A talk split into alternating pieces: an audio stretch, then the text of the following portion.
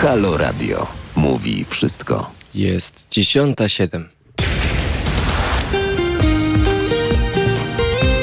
Halo, halo, to jest e, Halo Późny Poranek e, z Pawłem Cwaliną, czyli mną. Dzień dobry i mamy dziś dzień 16 marca. Jest to 75. dzień w kalendarzu gregoriańskim, a do końca roku pozostaje 290 dni. Imieniny obchodzą Abraham, Agapit, Antoni, Artemia, Budzimir, Cyriak, Dzirżyterk. Gabriel, Herbert, Herybert, Hyacynt, Hilary, Izabela, Julian, Karol, Longin, Miłostryj, Natalis, Patrycjusz, Patrycy, Patryk, Przybomir, Walenty i Walentyn. Wszystkim solenizantom serdeczne wszystkiego najlepszego, a tym, którzy obchodzą urodziny, no również wszystkiego najlepszego. No co innego miałoby się tu powiedzieć przecież. Wszystkiego najlepszego wszystkim, którzy obchodzą dziś urodziny i imieniny. Wydarzenia na świecie. No ja lubię zaczynać od tych najwcześniejszych, więc 597 rok przed naszą erą. Tak, tak, wtedy to już 15, przepraszam, 16 marca wojska króla Babilonii Nabuchodonozora II zdobyły Jerozolimę. To były bardzo ważne wydarzenia dla kultury żydowskiej i mm, Starego Testamentu. Z tego co wiem, również w Starym Testamencie o tym e, pisano. Mm, w, sprawdźmy może, co, co się działo w tym dniu nieco później, bo mm, w 1995 roku, też bardzo ważna e, data dla stanu Mississippi, który ratyfikował znoszącą niewolnictwo 13 poprawkę do Konstytucji USA. Oczywiście problem e, segregacji rasowej e, istniał i w zasadzie istnieje w pewien zawoalowany sposób do dzisiaj. Mm, istnieją różne ruchy starające się zmienić tę sytuację. W 1900 w tysiąc, ojej, zgubiłem, jestem na 1800.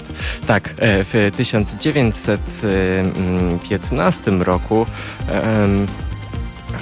zma urodził się e, znany japoński matematyk Kunihiko Kodaira.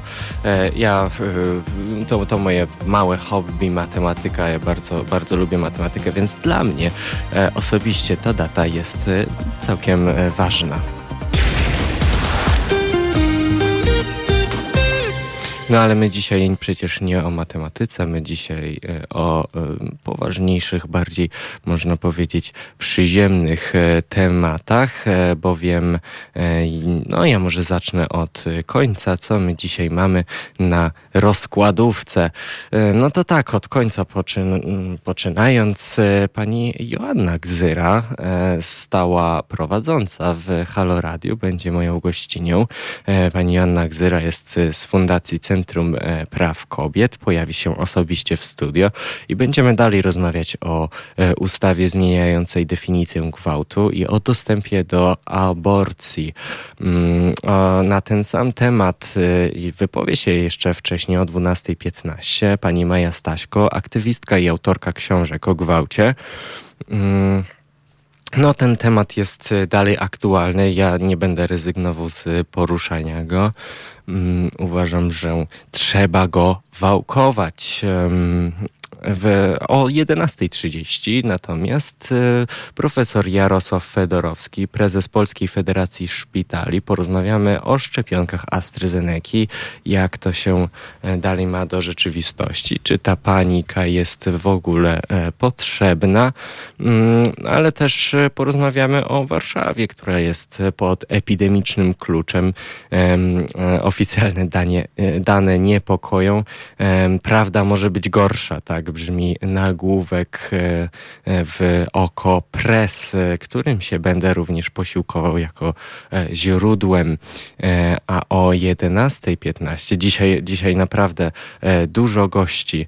Mm, przepraszam, o 11, o 10.15 będzie um, z nami już um, magister inżynier e, Adam Rajewski z Instytutu Techniki Cieplnej. lub o 10.30. Tak, bo mm, mieliśmy, e, mieliśmy małą zmianę czasową. Już tutaj e, edytorka e, mi poprawiła dane, więc tak, więc z inżynierem Adamem Rajewskim z Instytutu Techniki Cieplnej będziemy poruszać, um, poruszać problem. W zasadzie nie wiadomo, czy problem. no właśnie, ja się dowiem, czy to jest problem. E, Polska elektrownia atomowa w 2033. E, eksperci się wypowiadają, że to realne. A jak słyszeliśmy już wczoraj na e, halo komentarzach z Jarosławem Szczepańskim, no to nie jest wcale takie pewne. Nie wiadomo, czy to są tylko obietnice rządowe, czy to jest rzeczywistość. Dowiemy się o tym już, e, już za moment, bo o 10.30, e, a chwilę później porozmawiamy również z doktorem nauk ekonomicznych Jakubem Sawulskim ze Szkoły Głównej Handlowej i z Polskiego Instytutu Ekonomicznego o tym, że sytuacja mieszkaniowa młodych ludzi w Polsce no jest no nie jest najlepsza. Młodzi pracują, a i tak nie stać ich na usamodzielnienie się. Zapytamy się, dlaczego tak jest. Zapytamy się również o to, co porozmawiamy o tym. E, nie tylko będziemy pytać, po prostu o tym porozmawiamy. E, co milenialsi wnieśli do e, współczesności w Polsce, ale o tym więcej już za moment, bo na zegarach mamy już 10.14. Halo Radio.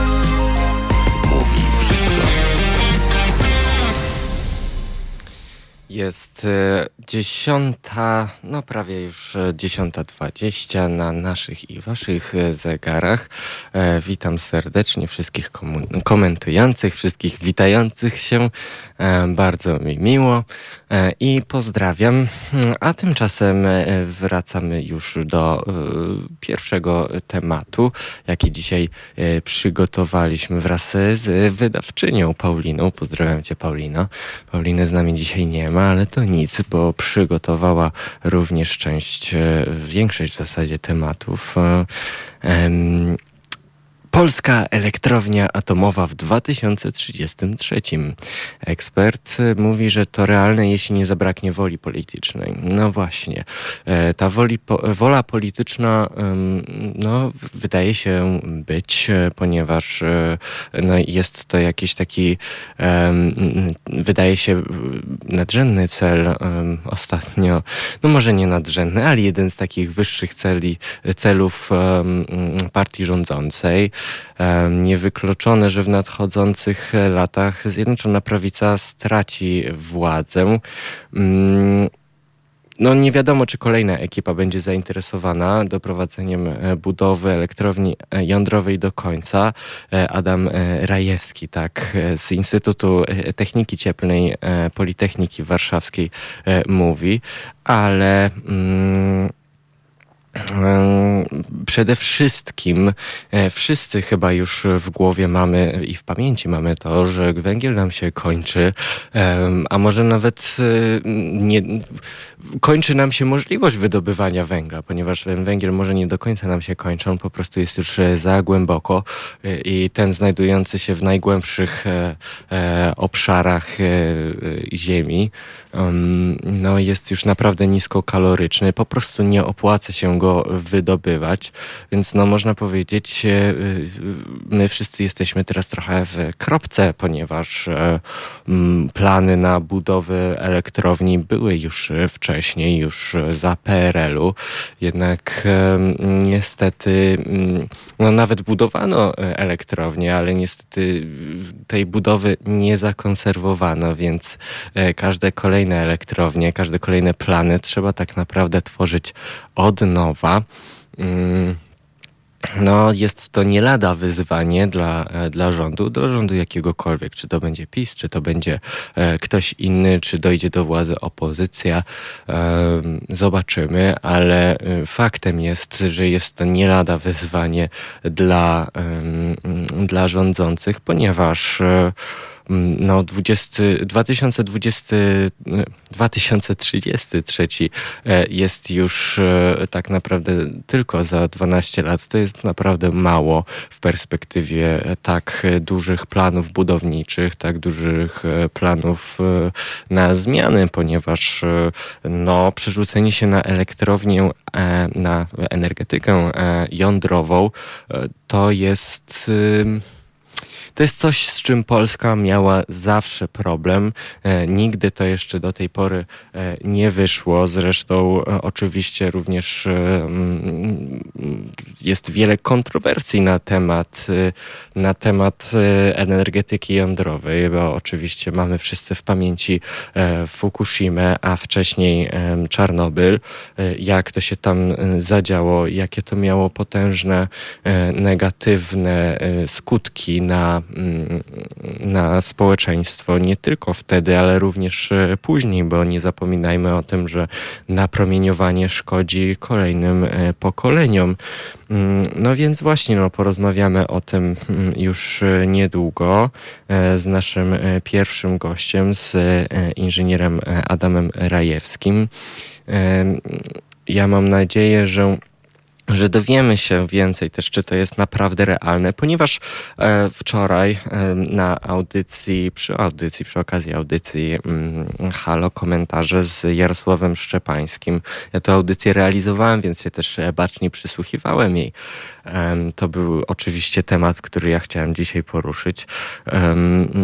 No, pani, pani ekspertka do spraw energetyki wtedy wypowiedziała się no, bardzo tak raczej e, pesymistycznie na ten temat. Y, uważała, że e, to raczej może nie jest na tyle niemożliwe, co po prostu e, bardzo, bardzo trudne.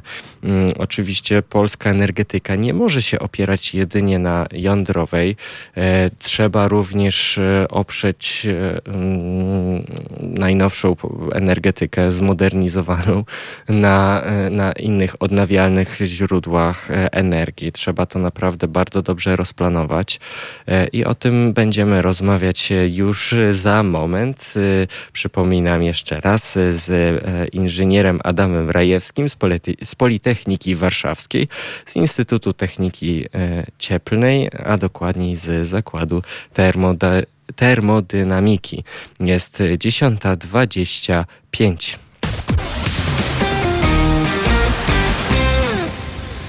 Jest e, godzina 10.30. Przypominam, że to jest jeszcze halo, późny poranek. Halo, dzień będzie już za pół godziny. Na razie późny poranek. Paweł Cwojna przy mikrofonie, ale również e, moim i Państwa gościem jest już teraz na naszej antenie e, inżynier Adam Rajewski z Politechniki Warszawskiej z Instytutu Techniki Cieplnej. Dzień dobry. Dzień dobry panie redaktorze, dzień dobry państwu. Panie, panie inżynierze, w wywiadzie dla Okopres e, to jest, no, to, to jest w ogóle zaznaczę, że to jest często poruszany temat, ja wiem, e, ale to jest temat nas wszystkich jątrzący. E, powiedział pan, że mm, Zjednoczona prawica w nadchodzących latach bardzo możliwe, że straci władzę. I e, czy ja dobrze rozumiem, że na tym opiera Pan właśnie swoje nadzieje, że e, polityka atomowa się zmieni w Polsce i w 2033 już, e, już będzie można korzystać z energii atomowej w Polsce? Nie, to trochę nie tak. Natomiast mhm. Znaczy jeżeli chodzi o politykę atomową w Polsce, tak. to ona ma mm, powiedzmy duże tradycje, e, jeżeli chodzi o zapowiedzi i nieszczególnie duże, jeśli to chodzi prawda. o realizację. E, I tutaj zasługi są chyba po no przynajmniej wszystkich tych stronach sceny politycznej, które się pojawiły u steru tego kraju przez ostatnie e, przez ostatnie trzy dekady. No bo tak wszyscy naprawdę. chcieli, wszyscy mieli dobre intencje. E, no z tym, że chcieli, to, to, to, to trudno powiedzieć. No to nie dotyczy tylko energetyki jądrowej. Mój kolega tak. ma takie sformułowanie, że realizacja polityki energetycznej w tym kraju jest troszeczkę jak prawo o ruchu drogowym, nie, nie, koncepcja się nie przyjęła. E, natomiast odkładając złośliwości, e, mhm.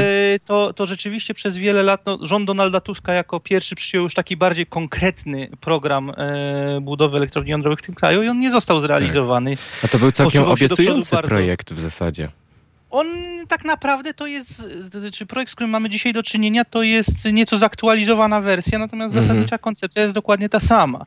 No i e, zmieniła się władza, niektórzy wiązali z tym nadzieję, że ten projekt akurat pójdzie trochę szybciej. Mm -hmm.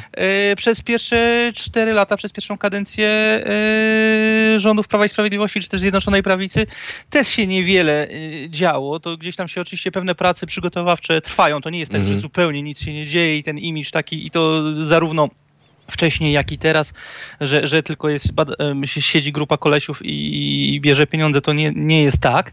Mhm. Natomiast oczywiście realizacja była mało energiczna i nie wydawało się, żeby było jakieś ciśnienie e, polityczne na to, żeby to realizować. Natomiast w mhm. ciągu ostatnich kilku, kilkunastu miesięcy, no, trudno mi tutaj wyróżnić jakiś dokładny moment, ale widać, że to się E, zmieniło i te prace rzeczywiście ożyły. No, e, to najpierw się objawiło aktualizacją programu, to można mhm. powiedzieć, że oczywiście to jest tylko papierek, natomiast żeby ten papierek zaktualizować, przygotować, no to grupa urzędników państwowych, bo to, bo to nie politycy to robią, tylko grupa, grupa kompetentnych zresztą urzędników państwowych musiała przysiąść do tej pracy, ktoś musiał wydać to polecenie. To samo widać w tej mhm. umowie, którą teraz o, o, partnerstwie podpisaliśmy z Amerykanami. Ona jeszcze nie jest wiążąca, no jeżeli chodzi o to, co zbudujemy, od kogo kupimy, ale to są grupy ludzi, które musiały naprawdę usiąść do pracy, zarówno po stronie polskiej, jak i amerykańskiej. Czyli to jest taki pierwszy zdecydowany krok, można powiedzieć. To znaczy, no, kroki się już działy i wcześniej, bo chociażby badania mm -hmm. lokalizacyjne trwają od lat. Y, te, które pozwolą nam z tych pierwszych dwóch potencjalnych lokalizacji wybrać jedną, to już dobiega końca.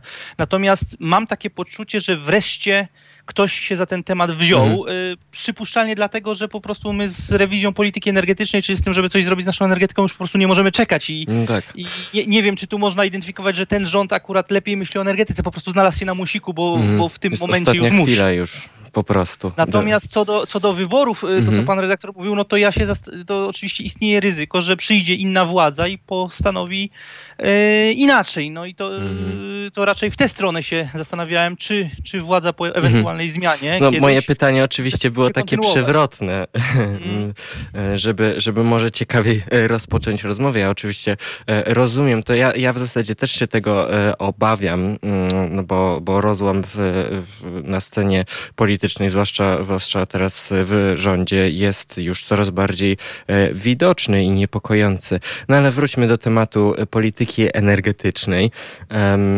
Czy, bo wczoraj byłem świadkiem rozmowy, ja się jej bacznie przysłuchiwałem z redaktorem Szczepańskim wtedy, e, z ekspertką e, do spraw energetyki, która powiedziała, że no jednak ona, ona jest tutaj bardziej pesymistką, ponieważ uważa, że dotychczas e, rządy skupiały się raczej na takiej ślepej, można powiedzieć, modernizacji starych elektrowni, które po prostu w tym momencie się już sypią, więc rzeczywiście tutaj e, myślę, żeby się Państwo zgodzili, że no to jest już ostatni dzwonek, ale z drugiej strony e, potrzebna nam jest szersza dywersyfikacja źródeł czerpania energii, prawda? Tak, no to, tu, jest, tu jest właśnie taka kwestia to jest zaszłość historyczna. Mhm. E, my weszliśmy w epokę demokratycznej Rzeczypospolitej ze spadkiem po PRL-u w postaci energetyki. No dzisiaj wiemy, że zdecydowanie nie takiej, jaką powinniśmy mieć z punktu widzenia środowiska. Wtedy być może to było nieco mniej jasne. Natomiast ta energetyka w roku 1990 była relatywnie młoda mhm. i e, pod względem mocy wystarczająca dla zaspokojenia potrzeb naszego państwa, szczególnie tak. po tym, jak energochłonny przemysł upadł. Efekt był taki, że, mm, znaczy efektów była, była cała masa różnych, natomiast e, jednym tym, który, który tutaj jest istotny, jest e, taki, że w momencie, w którym no, wypracowywaliśmy jakąś kulturę e, rządzenia i kierowania tym państwem już, już za czasów demokratycznych, to temat aktywnego kształtowania polityki energetycznej po prostu nigdy się nie pojawił, bo mm, mhm. nie trzeba było tego robić. Rzeczywiście trzeba było modernizować, no co jakiś czas trzeba było obniżyć emisję tlenków azotu, tlenków siarki z tych naszych e, starszych elektrowni, bo tego tak. wymagały zaostrzające się przepisy Unii Europejskiej. Natomiast nie trzeba było nowej wizji, nie trzeba było e, przebudowy miksu, nie trzeba było myśleć o tym, że, e, że nagle pokoleniowa wymiana elektrowni jest nam potrzebna, no bo nie była mhm. potrzebna. Oczywiście można by argumentować i ja oczywiście bym się przychylał do takiego twierdzenia, mhm. że tu trzeba było e, działać szybciej i mhm. stopniowo realizować pewne działania, a nie to, że odkładamy problem, aż wreszcie stanie się taki No właśnie, ja chciałem, ja chciałem właśnie takie pytanie no, tak zadać. E, e, czy to, czy to nie jest tak, że okej, okay, wtedy nie było trzeba, no ale przecież rządzący powinni myśleć e, w przód, bo, bo to nie są problemy tylko pokolenia rządzących, ale również pokoleń następnych. Mm, ale ja zadam tutaj w takim razie takie pytanie z naprawdę z punktu widzenia laika, jakim zresztą jestem. Oczywiście tam mogłem się przygotować do tego tematu, ale nie wiem wszystkiego, to pan jest ekspertem, więc proszę mi wybaczyć laickie pytanie, ale e, e, czy, mm, czy opłaca nam się bardziej zwiększać e, energię, to znaczy zasoby energii, po prostu likwidować ten deficyt, y, jaki nam grozi, e, przez dobudowywanie kolejnych elektrowni, czy może lepiej byłoby e, zastanowić się nad e, polityką oszczędnościową i jak tutaj zużywać mniej po prostu energii? Czy to jest w ogóle jakieś, jakieś pytanie wartościowe, czy to bardzo łatwo można obalić argumentem? To znaczy, to jest tak, e, pytanie o oszczędność energii jest zawsze bardzo wartościowe i w ogóle w mhm. sytuacji globalnej my sobie nie powinniśmy pozwalać na jakiekolwiek marnotrawstwo energii. I to, to trzeba postawić sprawę bardzo jasno. Natomiast też w kwestii mm, oszczędności energetycznych e, w krajach e, szeroko mhm. rozumianego zachodu, do którego no ja nas teraz zaliczę, czy w ogóle w krajach wysoko rozwiniętych, tak. ponownie zaliczając Polskę, bardzo wiele rzeczy w tej kwestii już jednak zrobiono. Mhm. Trzeba też pamiętać o tym, że że efektywność energetyczna rozumiana kompleksowo wcale niekoniecznie musi doprowadzić do spadku zapotrzebowania akurat na energię elektryczną, a o tym rozmawiamy w przypadku no tak. elektrowni. Trzeba też tę e, energię jakoś magazynować e, na przykład elektryfikacja transportu, która może być no, korzystna z bardzo wielu punktów widzenia, spowoduje, że akurat zapotrzebowanie na energię elektryczną wzrośnie, mimo że mhm. efektywność energetyczna ogólnie od tego też może rosnąć. E, tak czy siak nie wydaje się, patrząc na na statystyki tego, jak i gdzie zużywana jest energia elektryczna w Polsce, żebyśmy mogli liczyć na jakieś bardzo znaczące oszczędności.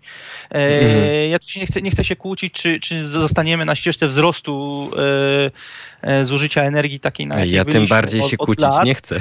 Szczegól, szczególnie, że teraz prognozowanie mm. rozwoju, znaczy ja w ogóle nie jestem specjalistą od prognozowania rozwoju gospodarczego świata, a, a w tej chwili to nie wiem, czy ktokolwiek jest e, w aktualnych mm. warunkach mm. pandemii. Natomiast no, z całą pewnością to nie jest tak, że nam to zapotrzebowanie zniknie, natomiast duża część, duża część polskich elektrowni wymaga pilnej wymiany, znaczy pilnej, mhm. nie to, że jutro, nie to, że pojutrze, one się utrzymają w ruchu w większości do połowy albo nawet drugiej połowy lat 30., więc to jeszcze jest chwila. Natomiast mhm. w energetyce też 10 lat to nie jest długi horyzont, no jeżeli chodzi o planowanie czegokolwiek. I to się nie zmieni. Tych elektrowni się trzeba pozbyć po pierwsze dlatego, że są węglowe, a po drugie dlatego, że no po prostu są stare. Elektrownia to jest rzecz długo E, wieczna mhm. w porównaniu, nie wiem, z samochodem, no tak. ale, ale no też, też ma pewien horyzont, poza którym już będzie ją ciężko eksploatować i po prostu trzeba to zrobić. E, od tego problemu nie uciekniemy. No właśnie, czyli jaki to jest e, horyzont? Jak długo może funkcjonować taka, powiedzmy, nowoczesna elektrownia w Polsce, elektrownia atomowa? Elektrownie jądrowe y, to, to jest w ogóle ciekawy jądrowe, temat, bo tak. kiedyś elektrownie jądrowe e, były projektowane mm, na 30-35 lat eksploatacji. To wynikało z niedostatecznej wiedzy na temat tego, jak się reaktor długoterminowo będzie zachowywał i bardzo konserwatywnego podejścia. Mhm. Dzisiaj wiemy już, że tak, e, że podejście było zbyt konserwatywne na podstawie po prostu obserwacji, prowadzenia badań materiałowych na tym, co pracuje. I w niektórych krajach, tych, które się nie boją podejmować takich decyzji, eksploatacja istniejących elektrowni jest przedłużona wydłużana do 40, 50, 60, a niektóre bloki w Stanach Zjednoczonych już mają e, zezwolenie na 80-letnią eksploatację. Teraz dzisiaj budowane elektrownie jądrowe w zależności od konstrukcji i kraju pochodzenia to są mhm. typowo konstrukcje, gdzie projektowy czas eksploatacji to 50 albo 60 lat. Być może również się będzie dawało je w swoim czasie przedłużyć. No, do tego mhm. będziemy musieli dożyć, żeby, żeby, żeby zobaczyć. Niemniej to są bardzo długowieczne instalacje, najbardziej jeżeli chodzi o energetykę. Nie ma bardziej długowiecznych, znaczy poza elektrowniami wodnymi. Wodne są mm. jeszcze bardziej długowieczne, bo to, to naprawdę trzycyfrową liczbę lat jest w stanie postać, no oczywiście z wymianą wielu urządzeń. Mm -hmm. Natomiast jeżeli chodzi o pozostałe elektrownie, to elektrownie jądrowe są jakby na drugim miejscu, e, co jest, co jest ich wielką zaletą, bo jak się już raz e, je zbuduje, no to potem wpływają bardzo stabilizująco na Mm. rynek energii, na koszty energii, nawet jeżeli w ogóle sposoby handlu energią się w międzyczasie mm. zdążą zmienić, bo tak się zdarzyło w całej Europie Zachodniej na przykład.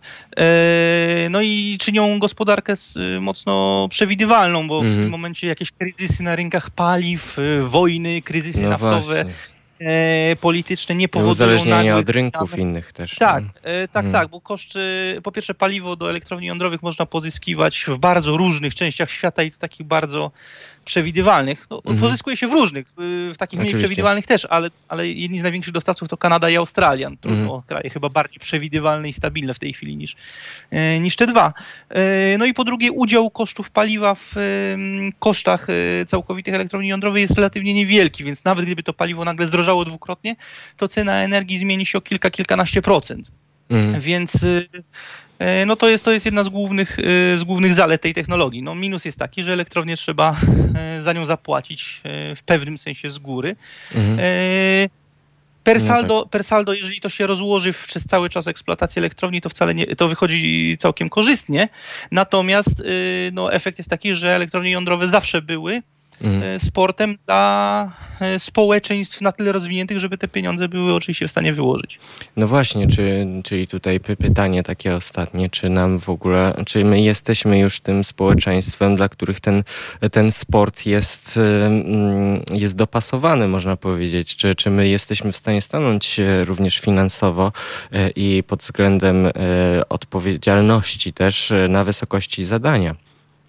Tak, e, to nie, są, to nie są aż takie kwoty. Mhm. To mówimy o kwotach rzędu, oczywiście no, jednostkowo mogą się wydawać duże, rzędu e, powiedzmy kilkunastu, czy przy całym programie może nawet więcej niż kilkunastu miliardów euro, natomiast mhm. e, jeżeli wszystko policzyć, wszystkie, wszystkie elektrownie, ale to nie są też pieniądze. Oczywiście wiadomo, że tego się nie wyjmuje też z kieszeni, tu są różnego rodzaju e, plany finansowania. Tutaj no też tak. jest spora rola po stronie dostawców technologii, żeby e, wesprzeć to finansowanie przy pomocy na przykład e, banków czy agencji agencji wspierania eksportu. Mm. No to są bardzo różne rozwiązania i to jest, Czyli e, też jak e, wynika z programu teraz przedmiot mm. intensywnych prac rządowych, jak, jak to zrobić, jak spiąć ten pakiet, tak. żeby, e, żeby potem energia z tej elektrowni była w przyzwoitej cenie, bo jeżeli nie będzie, to oczywiście no nie po to mamy budować elektrownię, żeby zaorać polską gospodarkę oczywiście. wysokimi cenami energii. No Natomiast to po to, żeby jeżeli chodzi o odpowiedzialność, mm tak. to oczywiście, oczywiście no widać, widać w debacie internetowej, nawet w, w komentarzach pod tym artykułem czy wywiadem, tak. Którego udzieliłem portalowi Okopres, tam się przewijał taki wątek, że mówiąc już tak bardzo prosto z mostu, że, mhm. że PiS nie da sobie z tym rady, że, e, że polskie państwo w ogóle nie potrafi zrobić czegoś porządnie, więc ani sobie nie poradzi z budową, ani tym bardziej z eksploatacją. Więc tu mhm. trzeba podkreślić e, dwie rzeczy. Mm, tak. Jedna to, że e, co byśmy nie zrobili, to nie da, się, nie da się zrobić tak, żeby ta elektrownia nagle stała się niebezpieczna dla otoczenia. Dzisiaj elektrownie jądrowe są odporne nawet na celowe zaniedbania hmm. operatorów, już mówiąc o niecelowych. Czyli to już nie jest e, Czarnobyl. Więc nie, nie, to nie, to nie da się tak, że mhm. postawimy jego polityka jako dyrektora elektrowni i nagle zrobimy z tego drugi Czarnobyl. To jest po prostu fizycznie niemożliwe. Okay. Najgorsze, co by się mogło zdarzyć, gdybyśmy e, postawili tam niekompetentną załogę, chociaż to jest mało prawdopodobne z uwagi na e, współpracę międzynarodową, na gwarancje ze strony wykonawcy. Przecież jeżeli wykonawca udzieli gwarancji na urządzenia dostarczone, to nie to będzie wymagał, żeby to eksploatował personel mhm. e, przeszkolony.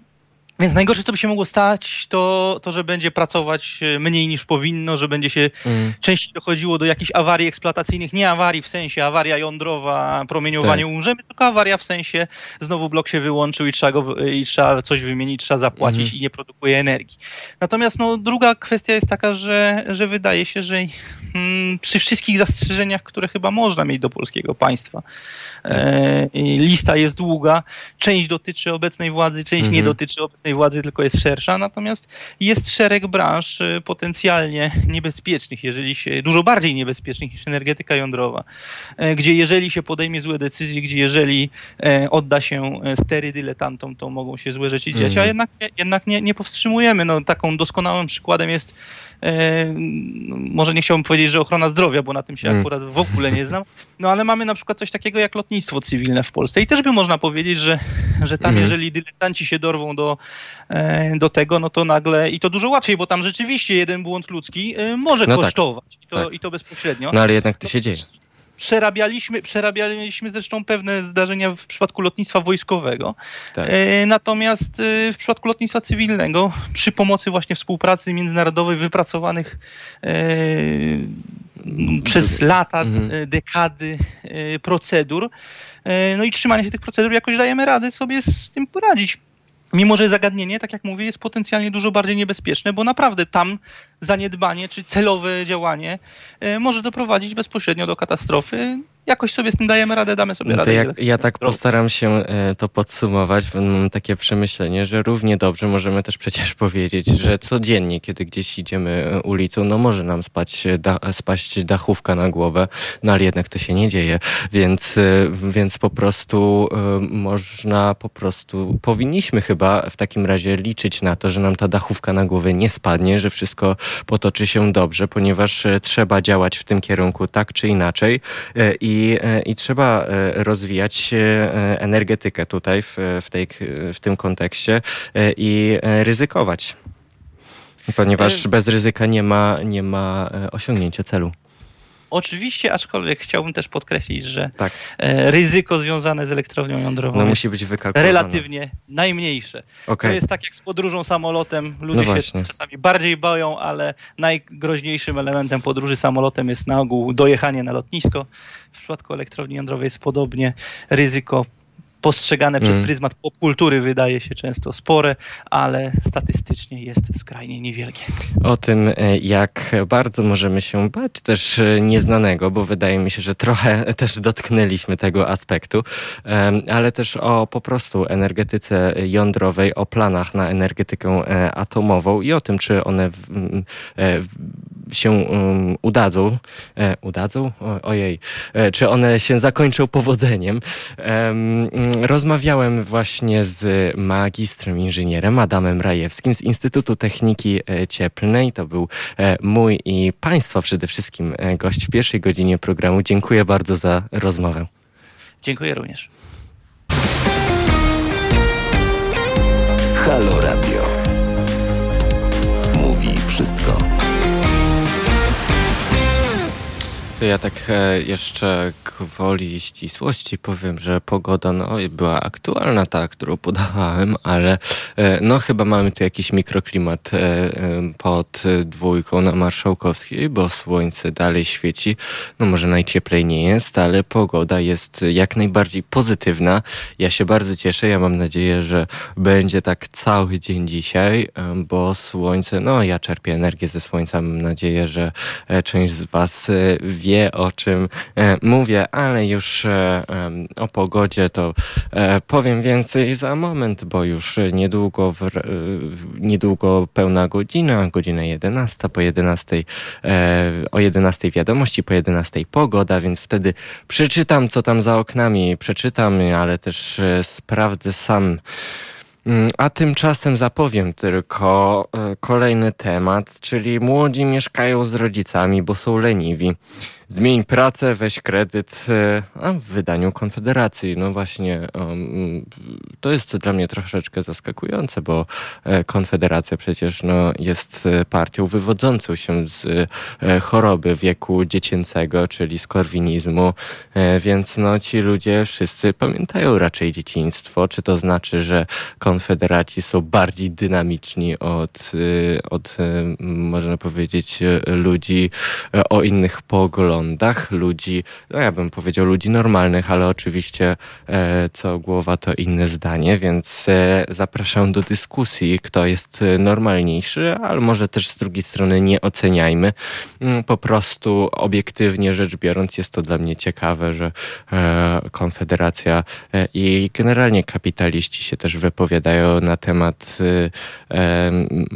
młodych dalej w sposób taki, no raczej średniowieczny bym powiedział, że po prostu jak młody to jest leniwy, starzy nienawidzą młodych, no znamy ten temat e, nie od dziś, zresztą często na poza anteniu mm, rozmawiamy również e, o tym, e, co tam się wydarzyło, dlaczego na przykład starsza pani Kubę zdzieliła, zdzieliła laską, no ano dlatego, że, mm, że Kuba sobie siedział w cieniu w tramwaju, a wszystkie inne miejsca były nasłonecznione, więc bez słowa jeb laską. No i, mm, no i tutaj wydaje mi się, że e, sytuacja jest podobna, po prostu starzy ludzie, starsi ludzie, żeby ja tak specjalnie uogólniam, bo zdaję sobie sprawę z tego, że są różne poglądy wśród starszych ludzi, no ale pozwólcie, że z perspektywy młodego człowieka powiem, że e, no ja czuję się również ja sam krytykowany za to, że, że na przykład trudno mi znaleźć, trudno mi było znaleźć e, pracę, trudno mi było zapłacić za mieszkanie, ale o tym więcej już e, za moment, bo dochodzi 11. Halo Radio mówi wszystko. 11.07. I to jest e, Halo Dzień już e, w Halo Radio. Paweł Cwalina przy mikrofonie. Dzień dobry ponownie. 16 e, marca, 75. dniem w kalendarzu gregoriańskim. Oczywiście w tym roku, bo w latach przestępcy, przestępczych chciałem powiedzieć, przestępnych jest to 76. dzień w kalendarzu. No ale dzisiaj jest 75, a do końca roku pozostaje 290 dni. Imieniny obchodzą Abraham, Agapit, Antoni, Artemia, Budzimir, Cyriak, Dzirżyterk, Gabriel, Herbert, Herybert, Hyacynt, Hilary, Izabela, Julian, Karol, Longin, Miłostri, Natalia, Patrycjusz, Patrycy, Patryk, Przybimy, Przy Przybymir, Walenty i Walentyn. Wszystkim solenizantom również o tych niestandardowych imionach, o tych pięknych imionach. E, w zasadzie wszystkie imiona są piękne, wszystkim pięknie e, życzymy wszystkiego najlepszego, również tym, którzy dzisiaj obchodzą urodziny. E, w 1984, tak, w 84 w tym roku, e, w, w tym dniu RPA i Mozambik zawarły e, porozumienie o nieagresji, a szef bejruckiej placówki CIA William Buckley został porwany przez terrorystów z dżihadu. Wtedy to no, wojna z dżihadystami trwała bardzo e, intensywnie. Mm, w 2014 mm, roku, z tych takich bardziej aktualnych, ostatnich dat, no to co się wydarzyło na Krymie? Na Krymie odbyło się referendum w sprawie przyłączenia półwyspu do Rosji. Wszyscy wiemy, jak to później wyglądało, e, co się na Krymie e, działo. A gdzie jest Krym? Na ciostku.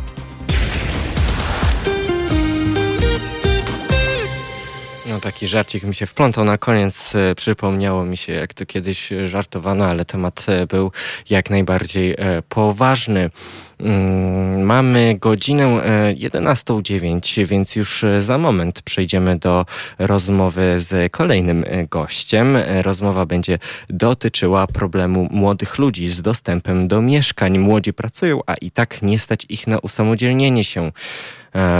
A no właśnie, a Sławomir, e, słynny Sławomir Mencen no taki polski Ben Shapiro bym powiedział, taki um, no taki korwinista dalej młody. On, on, on gimnazjum ukończył, ale z gimnazjum chyba jeszcze nie wyszedł.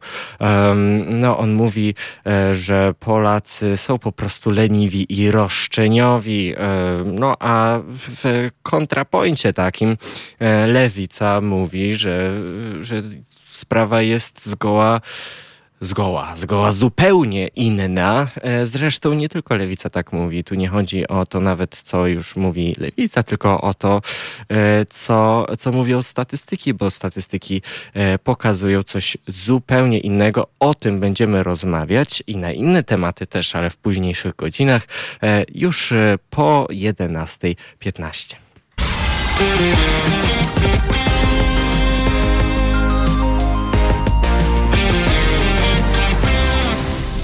Jest godzina 11.16. Halo, dzień trwa dalej, trwa w najlepsze, a mm, moim i Państwa przede wszystkim y, gościem na naszej antenie, na naszej antenie jest już e, dr Jakub Sawulski ze Szkoły Głównej Handlowej i Polskiego Instytutu Ekonomicznego. Dzień dobry.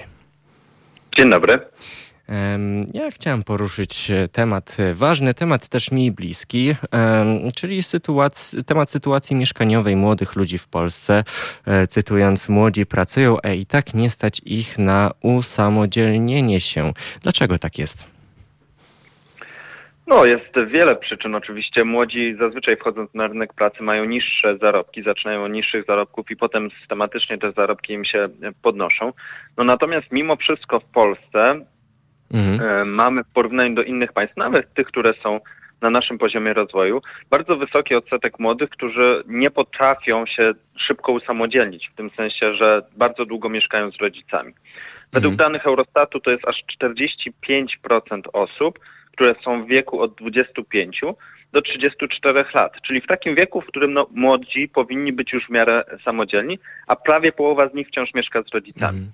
No i to jest rzeczywiście e, problem, który nie można, którego nie można utożsamiać tylko z zarobkami. Wydaje się, że tutaj jest e, więcej czynników, które, mhm. które mogą na to wpływać. Jakie to są czynniki? Czy to rzeczywiście chodzi o to, że młodzi są leniwi i roszczeniowi? No z ostatniego badania mhm. GUS-u, mhm. który e, zbadał w szczególności właśnie tę grupę osób, wynika, że nie. Że aktywność zawodowa osób, które są, GUS ich nazwał gniazdownikami, tak, czyli tak. mieszkają z mhm. rodzicami, aktywność zawodowa jest podobna jak tych młodych, którzy gniazdownikami nie są, czyli, czyli oni po prostu pracują. Oni często mhm. zarabiają mało rzeczywiście, zarabiają mniej, często w okolicy płacy minimalnej. Ale też, co bardzo ważne, wynika z tego badania GUS-u, to bardzo często ci młodzi mieszkają z samotnymi rodzicami. Często mhm. zresztą z samotnymi rodzicami, którzy są w wieku 60+. Plus. Więc Czyli w pewnym sensie... Nimi Dokładnie. Prawdopodobnie mhm. dosyć wysoki odsetek tych młodych gniazdowników po prostu zajmuje się rodzicami, czyli oni nie są leniwi, nie są e, mami synkami, tylko wręcz przeciwnie, oni w ten sposób być może nawet pokazują swoją pewną dojrzałość i dorosłość. No właśnie, a jakby pan e, skomentował to, że przecież e, no, Sławomir Mencen, taki polski Ben Shapiro, ja się tak śmieję, że on, on zawsze, no, tak jak zresztą każdy z alt-rightu można powiedzieć, mówi o tym, że, że się opiera na faktach, na brutalnej prawdzie. No i jaka jest jego brutalna prawda? Ja zacytuję szybko. Brutalna prawda jest taka, że trzeba było się uczyć, pracować i oszczędzać. Nauczylibyście się malować, malować ściany, spawać, prowadzić tira, to byście z rodzicami nie mieszkali. Niestety zamiast pracować, wolicie zabierać tym, którym chciało się brać odpowiedzialność za własne życie. Czy można powiedzieć, że młodzi ludzie teraz są mniej przedsiębiorczy? Bo oczywiście mogliby pomagać rodzicom, ale na przykład, no właśnie, e, ucząc się e, prowadzić tira, albo nawet zakładając e, własną firmę. Jak to wygląda? Nie, no to jest myślenie na zasadzie, że właśnie połowa młodych Polaków to są leniwi ludzie, którzy nie chcą, e, mhm. nie, nie, nie, mieszkają sami tylko dlatego, że, że, że po prostu im się nie chce pracować. Nie, no to jest myślenie absurdalne, bo abstrahuje od bardzo, bardzo wielu rzeczy. Po pierwsze tego, że e, w Polsce mamy bardzo słabą politykę mieszkaniową, no bo państwo w mhm. w ogóle polityki mieszkaniowej nie prowadzi i jedyną opcją, pójścia na swoje jest w zasadzie kredyt hipoteczny, kredyt na 30 lat, dlatego że wynajem mieszkań jest bardzo drogi, tak. mieszkań społecznych operowanych na przykład w innych państwach przez państwo e, w Polsce praktycznie nie ma. W związku mhm. z tym no trzeba wziąć kredyt hipoteczny, ale żeby wziąć kredyt hipoteczny, to trzeba mieć stabilne warunki zatrudnienia, trzeba mieć wkład własny, trzeba mieć odpowiednio, odpowiednie wynagrodzenie. Bardzo wiele osób młodych, ciężko pracujących, po prostu nie spełnia tych mm. warunków, to znaczy po prostu nie ma możliwości pójścia na swoje, mimo nie, że nie bardzo... ma zdolności kredytowej też, prawda? No właśnie o tym mówię, że nie spełnia, mm. nie ma ani wkładu własnego, ani nie ma odpowiednich zarobków, ani nie ma odpowiedniej mm. umowy, bo przecież na polskim rynku pracy mamy rozpowszechnione, zwłaszcza wśród młodych, umowy cywilnoprawne, które, no, przy których bardzo trudno dostać kredyt hipoteczny. No tak, no pracujemy tak naprawdę na tych tak zwanych e, śmieciówkach, e, bo po prostu prawo, to, to, to nawet, czy, czy właśnie te, te umowy tak zwane śmieciówki, to są, to są umowy rzeczywiście, które, które są podpisywane z winy pracodawców, bo mi się ostatnio zaczęło wydawać, że to nie jest tylko wina pracodawcy, to jest wina przede wszystkim systemu, który, który tak, tak ustawił kolej rzeczy, że po prostu e, opłaca się pracodawcom te umowy dawać. E, jak to wygląda? No tak. No. No, główną motywacją do zatrudnienia na umowach cywilnoprawnych jest to, że one wciąż są niżej opodatkowane po mhm. prostu niż umowa o pracę. Więc to jest ten podstawowy bodziec, e, który pcha pracodawców do tego, żeby oferowali umowy cywilnoprawne. No a do tego mamy państwo, które zupełnie się tym tematem nie zajmuje. To znaczy, a mieszkanie plus? Państwowa Inspekcja Pracy jest słaba, nie kontroluje kwestii umów cywilnoprawnych, e, więc e, te czynniki składają się na to, że mhm. rzeczywiście dużo młodych pracuje na umowach cywilnoprawnych. A no właśnie, bo jeszcze tak do, ty, do tych mieszkań, do tej polityki mieszkaniowej mhm. chciałem wrócić szybko. Mieszkanie Plus, przecież był ten program pomagający młodym ludziom. On się okazał być kompletnym niewypałem. Dlaczego? No tak, no właśnie. To, to był program, który w swoim założeniu był całkiem niezły i mhm. program, któremu bardzo kibicowałem. No natomiast ja e, z kilkuset tysięcy mieszkań, które miały powstać w tym programie, powstało kilka tysięcy. Dlaczego? Dlatego, mhm. że w mojej opinii znów e, polityka mieszkaniowa poszła gdzieś w kąt. To znaczy rządzący nie wykazali ani odrobiny tej determinacji przy wdrażaniu programu mhm. Mieszkanie Plus, jaką wykazywali na przykład przy programie 500, e, mhm. obniżeniu wieku emerytalnego, czy wprowadzaniu 13 czy 14 emerytury. Mm. To oczywiście były mhm. wszystko działania stosunkowo łatwe, no bo nacisnąć przelew i zrobić przelew do jakiejś określonej grupy. Natomiast Mieszkanie Plus jest programem dużo trudniejszym, który trzeba było zainwestować poważne środki, zaangażować e, czas, pieniądze, ludzi, E, I ten program miał szansę powodzenia, ale to wszystko nie zostało zrobione, bo znów polityka mieszkaniowa okazała się mniej ważna niż inne rzeczy. No właśnie, bo mm, to nie tylko dlatego, że mniej ważna, bo mm, wydaje mi się, że ona jest tak samo ważna, tak powinna być tak samo ważna, ale możliwe, że tutaj e, trzeba się dopatrywać po prostu e, populistycznych pobudek, bo to się chyba, no właśnie nie wiem, czy nie opłacało, bo wydaje mi się, że gdyby w to, w to mieszkanie plus rzeczywiście włożono więcej pracy i rzeczywiście rzeczywiście się zaangażowano w to tak, jak powinno się w to zaangażować. Ten projekt był e, bardzo obiecujący. E, dla mnie też, ja, ja też miałem wielkie nadzieje na to, że on zostanie wdrożony rzeczywiście, mm, ale e, po prostu elektorat obecnej władzy no, jest starszy. Statystyki tak pokazują, więc, więc wydaje mi się, że również znowu skupiono się na starszych ludziach. No tak, polityka oczywiście ma tu znaczenie. Znaczy, kwestia mieszkaniówki jest mało mhm. opłacalna politycznie, dlatego że to jest rzecz długoterminowa. Efekty tego, że dzisiaj wybudujemy kilkaset mieszkań, efekty polityczne można było uzyskać za no najwcześniej 5 czy 10 mhm. lat. No bo te, budowa mieszkań no trwa, potem korzyści. Długo, no. Potem korzyści z tego, e, które polityczne można wyciągnąć, też, e, też e, są przesunięte w czasie. Więc z punktu widzenia mhm. politycznego to jest po prostu temat, którym nie warto się zajmować, jeżeli patrzymy wyłącznie na, na politykę taką, taką rozumianą, e, że chcemy do, mhm. dostać się do władzy. To, to, jest, to jest wszystko bardzo przykre. Zresztą, no tak jeszcze yy, zwróciłem, teraz sobie pomyślałem, że, że przecież, yy, no właśnie, ci milenialsi, na których tak dużo się narzekało, no głównie starsi wiekiem ludzie narzekali na milenialsów, oni już kończą w tym roku 40 lat, więc to pokolenie rzeczywiście no, zmieniło też rzeczywistość polską, ale ci milenialsi właśnie, to są właśnie ludzie, którzy żyją cały czas w wynajmowanych mieszkaniach. Można powiedzieć, że żyją w biegu, tak z zewnątrz można to określić. To są często właśnie ci gniazdownicy. Może już teraz byli gniazdownicy, bo jednak kończą 40 lat, ale to są ludzie, którzy właśnie późno wybiegli, opuścili gniazdo. No i właśnie taki Sławomir Mencen wydaje się przyjmować retorykę e, starszych ludzi, którzy to krytykują. Dlaczego tak jest? Czy to znaczy, że to jest politycznie łatw, łatwiejsze? No nie wiem, nie chciałbym tutaj wchodzić w głowę Sławomira Mencena, no mhm. nie ma z tego po prostu korzyści politycznej i pewną popularność, no bo takie hasła, mówienie o tym, że młodym się nie chce, że to ich wina, y, to jest to, to jest rzecz, która być może przynosi jakąś, jakąś popularność tak. w określonych grupach. Natomiast nie wydaje mi się ona zgodna z e, rzeczywistością i no prawdą. Zresztą statystyki pokazują właśnie, że nie jest zgodna z rzeczywistością. E, moim i Państwa e, gościem na antenie Halo Radia był doktor nauk ekonomicznych Jakub Sawulski z SGH Dziękuję. i Polskiego Instytutu Ekonomicznego. Dziękuję bardzo. Dziękuję bardzo i pozdrawiam serdecznie. A tymczasem na naszych zegarach mamy już 25 e, po 11 do e, reszty e, rozmów wrócimy za moment.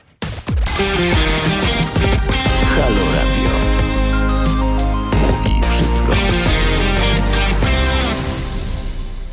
Jest e, godzina już 11.32, no ale dlaczego już w sumie jeszcze, bo e, audycja Halo Dzień trwa i będzie trwać, przypominam, do godziny 12.45. No i tak, wróćmy jeszcze do tematu. Może tak ogólnie o milenialsach, e, boomerach, e, zoomerach, e, o różnicach pokoleniowych. Ja się tak uczepiłem tego Mencena, ale jeszcze się od niego nie odczepię. E, przez chwilę chociaż, e, bowiem generalnie wydaje mi się, że cała Konfederacja, znaczy nie wydaje mi się, po prostu to jest oczywiste, no, według mnie korwinizm to choroba wieku e, dziecięcego, wieku gimnazjalnego. Ja na nią też przez chwilę chorowałem, pamiętam jak wojujący wtedy byłem, jak to było z jednej strony dobre, bo nauczyłem się przepychać z ludźmi na argumenty, argumenty, ale z drugiej strony te argumenty, jak trochę podrosłem, e, zmieniłem zdanie. Skończyłem już dawno 13 lat, więc już nie muszę mieć takich poglądów. Trochę zacząłem się też interesować rzeczywistością. Mm, więc rzeczywistość wskazywała, wskazała mi, że mm, no jednak poglądy Konfederacji, dzisiejszej Konfederacji, wtedy, wtedy jeszcze partii, e, to była partia Wolność, potem partia Korwin, wcześniej jeszcze Kongres Nowej Prawicy, no to się tam zmieniało, ale wiemy, wiemy o kim i o czym mowa. Mowa również nie tylko o Korwinie, ale o na przykład y, Kościół, Szkoła, Strzelnica, czyli Grzegorz Braun, reżyser historyczny, a później polityk. Um, on też jest w Konfederacji, no ale w Konfederacji również mamy takich dynamiczniaków, takich, takich młodych, kurczę, pracujących, którzy wiedzą, że ciężka praca się opłaca, że e, kapitalizm w zasadzie, w zasadzie nie ma nic złego w kapitalizmie. Um, no właśnie, kapitalizm, ja też nawet podzielam to zdanie, że idea kapitalizmu jest piękna Idea jest piękna, ale późny kapitalizm pokazuje nam naprawdę problemy, e, problemy, które stworzył kapitalizm i kapitalizm tych, tych problemów, które stwarza, nie jest w stanie już e, rozwiązać. Właśnie jednym z tych problemów jest, e, jest to, że ciężka praca już się nie opłaca, mamy inne czasy. Um, tak, e, nagłówek Noiza na przykład mówi e, boomerze, nie mów mi, że ciężka praca popłaca, bo za barem czy w gastro nie odłożę na mieszkanie. E, I tutaj no, doświadczenie jest chyba e, e, najcenniejszym e, przykładem. Moje doświadczenia mogę się tutaj podzielić. Pracowałem w gastronomii parę razy, no i powiem Państwu szczerze, że no nie jest lekko, nie jest e, kolorowo, to jest praca ciężka. I okej, okay, nauczyło mnie to ciężkiej pracy, nauczyło mnie to multitaskingu, nauczyło mnie to działania pod presją, ale z drugiej strony pieniądze były naprawdę mało, to było 13 zł za godzinę. I okej, okay, jeszcze powiedzmy miałbym, mógłbym mieć jeszcze więcej zmian, jeszcze więcej pracy, no ale, ale po pierwsze można się bardzo przepracować. I ja już nie mówię o takim na wyrost przepracowaniu, to jest naprawdę ciężka robota. Zresztą wszyscy ci, którzy pracują w gastro wiedzą o czym mówię. E, kto nie miał tabaki w gastro, niech pierwszy rzuci e, kotletem. E, no i no jest naprawdę ciężko. E, zresztą, nawet jak nie jest e, ciężko, to, to nie jest ciężko. Dlaczego? Dlatego, że jest system zmianowy, jest dużo zmian, więc wtedy tym bardziej nie można po prostu zarobić e, pieniędzy, bo tych zmian jest mało. No ja pamiętam, że jak naprawdę więcej pracowałem, to, to zarabiałem 1800, 1900. No zdarzało mi się 2200 zarobić, ale to przy jakichś tam dodatkowych godzinach ale to naprawdę nie starcza, zwłaszcza e, przy e, mieszkaniu w Warszawie. E, ja wynajmowałem wtedy pokój w mieszkaniu za 600 zł po okazyjnej cenie.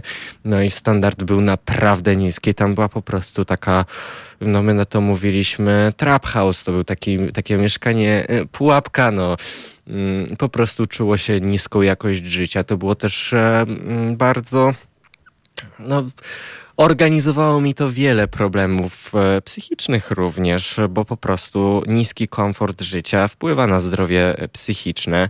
E, wiemy to nie od dziś. No a taki Sławomir Mencen uważa, że po prostu do pracy rodacy e, powinniśmy wszyscy ciężko pracować, być kierowcami tira, E, spawać, malować ściany, bo to też jest bardzo słaby, słaby tekst e, w kontekście tego, że Sławomir Mencen chyba uważa, że po prostu ludzie niewykształceni, tak bez wyższego wykształcenia e, sobie nie radzą, a jak statystyki pokazują, to również intelektualiści, można już tak powiedzieć w cudzysłowie, bo wiem, że studi studiując wcale nie, nie stajemy się intelektualistami, to E, to chęć rozwoju, to, to potrzeba zdobywania wiedzy robi z nas intelektualistów.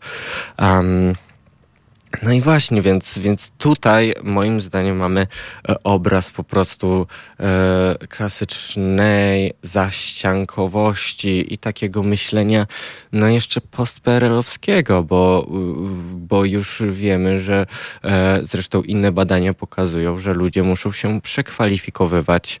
E, pamiętam audycję e, Halotalki e, z Leszkiem e, Talko i z Moniką Piątkowską i um, no i oni mieli właśnie taki panel dyskusyjny o tym, że trzeba się przekwalifikowywać. Um, dotykali ten temat trochę od innej strony, takiej bardziej, mm, no bardziej takiej e, publicystycznej, o tym, co można zrobić, jak można się przekwalifikować, kim można być.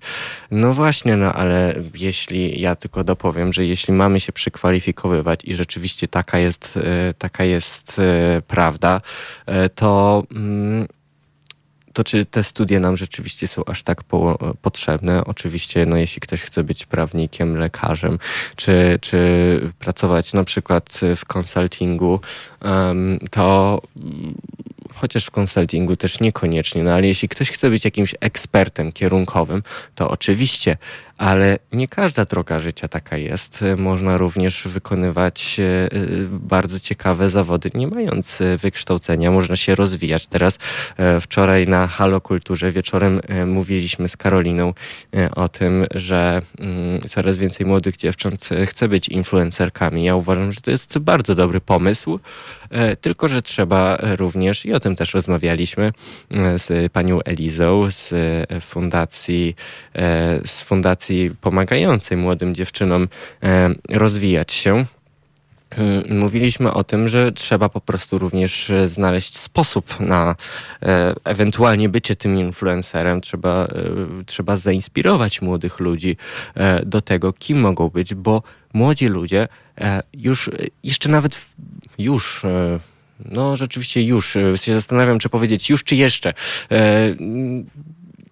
już w liceum i jeszcze w liceum e, nie wiedzą, E, nie wiedzą, co mają robić w przyszłości, a presja rodziców e, zmusza, zmusza na przykład maturzystów do podejmowania wyborów nieodpowiedzialnych, do wyborów, które wydają się być odpowiedzialne, ale nie są z serca młodego człowieka i potem ktoś taki mm, idzie sobie na studia i myśli, ok, będę miał studia, będę miał pracę, e, a potem się okazuje, że minął się z powołaniem, więc czasem też lepiej po prostu poczekać, lepiej być tym gniazdownikiem, ok, możemy popracować, e, możemy, e, możemy wtedy popracować, ale możemy też znaleźć swoją drogę życia, swoje powołanie.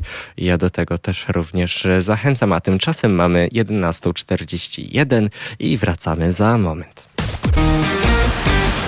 Halo Radio. Mówi wszystko. Jest godzina 11.47, to jest dalej Halo Dzień w Halo Radiu um, i tymczasem naszym gościem na antenie jest już pan profesor Jarosław Fedorowski, prezes Polskiej Federacji e, Szpitali. Będziemy rozmawiać o szczepionkach, o koronawirusie, no o tym samym, co, tak naprawdę, co zawsze. Dzień dobry panie profesorze. Dzień dobry panie rektorze, dzień dobry wszystkim państwu. Panie profesorze, e, Warszawa pod epidemicznym kluczem, oficjalne dane niepokoją, a prawda może być e, gorsza. No właśnie te oficjalne e, dane w piątek, jeszcze 12 marca dowodziły, że trzecia fala pandemii nie słabnie. Nowych zakażeń było 18,8, czyli prawie 19 tysięcy. Nieco mniej niż poprzedniego dnia, ale średnia tygodniowa dalej utrzymuje się na bardzo wysokim poziomie. Co to dla nas oznacza? Czy trzecia fala e, będzie jeszcze w kwietniu trwać? No w tej chwili wiemy, że mamy nasilenie pandemii e, w wielu krajach w Polsce, mhm. szczególnie oczywiście to dostrzegamy, bo, jest, bo, jest, bo nas to dotyczy. E, praktycznie wiemy, ile w tej chwili osób jest zakażonych, a tą liczbę znamy ekstrapolując z liczby osób hospitalizowanych i osób, mhm. które wymaga intensywnej terapii. Mamy prawdopodobnie około 70 tysięcy osób w tej chwili zakażonych. Wiemy o tym, że, że mamy do czynienia z rozprzestrzenianiem się wirusa, który mocniej łączy się z receptorem, czyli ten wariant brytyjski, po prostu no, łatwiej się zakazić mniejszą dawką, co nie znaczy e, wirusa, co nie znaczy, że, e, że no, w dalszym ciągu ten wirus mhm. nie przenosi się tą samą drogą i maseczki i nasze, nasze postępowania nie mają tutaj zasadniczego Oczywiście. znaczenia. Coraz więcej młodych e, ludzi choruje również e, na COVID. Czy to znaczy, że e, niedługo możemy się spodziewać, że młodzież będzie na przykład wrzucona do jakiejś grupy ryzyka i szczepienie młodych będzie również przyspieszone, czy raczej nie powinniśmy na to liczyć? O ja bym był bardzo daleki od używania słowa młodzież. E, średnia wieku osób hospitalizowanych mm spadła z 64 do 62. No trudno, okay. trudno nazywać to, e, to młodzieżą. Ja się posiłkuję źródłem. Zgadza się, wiem, no takie, takie jest w tej chwili hasło, że młodsi, okay. młodsi chorują. No, ja mówię o tych osobach, mm które przede wszystkim wymagają hospitalizacji, no bo to odzwierciedla ciężkość przebiegu, mm przebiegu choroby. Natomiast no, czegoś my mieli się spodziewać. No, starsi są albo zaszczepieni, albo się skutecznie izolują, a młodsi mm. albo muszą chodzić do pracy, no, no albo tak. czasami e, z, no, z racji wieku po prostu no, nie, nie stosują się, no bo to jest też, e, też przecież zrozumiałe ile, e, dla w niektórych sytuacjach, aczkolwiek nie powinno mieć miejsca. Więc, więc na pewno tak będzie w miarę wyszczepiania tych grup osób, mm. roczników, w tej chwili 50 któryś rocznik, no to trudno się spodziewać, że wychorowali starsi, będą chorować młodsi. Tym niemniej no, wśród osób z kolei młodszych jest coraz większa populacja ozdrowieńców.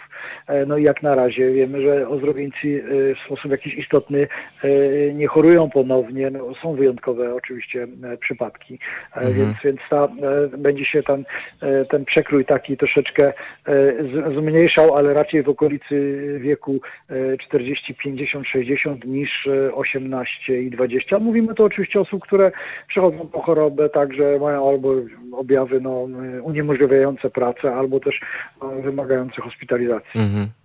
Mhm. Profesor e, Maria Gańczak e, mówi, że szczyt trzeciej fali jest e, dalej przed nami. Czy to oznacza, jakich liczb możemy się spodziewać? Czy da się w ogóle to zaprognozować? Bo to na pewno jest raczej skomplikowana sprawa, wymagająca skomplikowanych wyliczeń. No tak, rzeczywiście tym się zajmują całe zespoły wręcz biomatematyków, tak bym mm. to nazwał. Ja od wielu lat wykładam epidemiologię, zdrowie publiczne, no więc, więc no nie spodziewam się tutaj na razie, na razie istotnej poprawy w mhm. kontekście tych wskaźników twardych, czyli liczby osób hospitalizowanych i intensywnej terapii, bo one troszeczkę podążają za liczbą osób zakażonych, którzy się zakażają na nowo. Natomiast no, te szczepienia, które w tej chwili są dostępne, jednak są w trakcie i tutaj Polska na przykład jest liderem w Unii Europejskiej, jeżeli chodzi o liczbę osób w pełni zaszczepionych dwoma dawkami. To, to wprawdzie jest kilka procent zaledwie, no ale jak zobaczymy, że dwadzieścia kilka procent według różnych hmm. badań, chociażby naszych kolegów z, z Chorwacji, z Zagrzebia, w dużych miastach to osoby, które przebyły i mają przeciwciała, no to prawdopodobnie nawet około 30% osób już w jakiś sposób jest odporna, czyli tam mhm. zmniejsza się nam liczba osób, które są narażone i tu cały czas mówimy o populacji ogólnej, no a przecież jednak e, nie bierzemy pod uwagę e, dzieci do lat 18. E, no tak, dzieci do lat 18 nie bierzemy w tych wyliczeniach. Przepraszam za młodzież.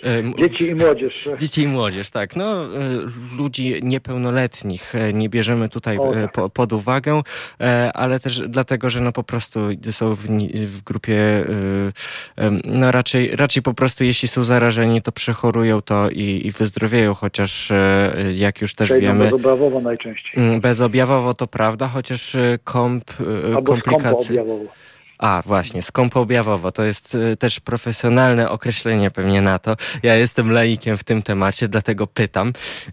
A a y, proszę mi powiedzieć, e, czy e, ufa pan szczepionce od AstraZeneca, ponieważ e, od jakiegoś czasu panują dyskusje na temat tej szczepionki, czy ona jest dobra, czy no, wydaje mi się, że ludzie też bardzo mocno panikują na temat tej szczepionki, bo jak pokazują informacje, raczej nie różni się ona zbyt mocno od innych szczepionek, jeśli chodzi, jeśli patrzeć na efekty uboczne.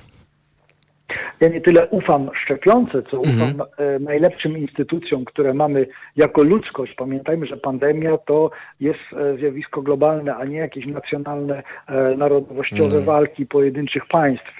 Więc ja ufam tym instytucjom, które mhm. są do tego powołane, najlepszych mają najlepszych z najlepszych, to znaczy Europejskiej Agencji Oceny Leków, mhm. Leków EMA oraz Światowej Organizacji Zdrowia, ale też, też takim organizacjom, które zbierają, zbierają informacje. No jeżeli mamy kilkanaście osób zaszczepionych AZD1222 mhm. tą szczepionką i, i mamy pojedyncze raporty o, o związku czasowym, ale nie przyczynowym, żadnego nie mamy raportu o związku -hmm. przyczynowym powikłań zakrzepowo-zatorowych no po tej to szczepionce, no to jak, no to trudno wysnuwać takie wnioski. No ale panika, czy też nieracjonalne zachowania, infodemia to są znane już sprawy, no, można powiedzieć niemalże od samego początku i tutaj musimy patrzeć na to, co, co, co mówią te najlepsze na świecie agencje. Takie zachowanie państw,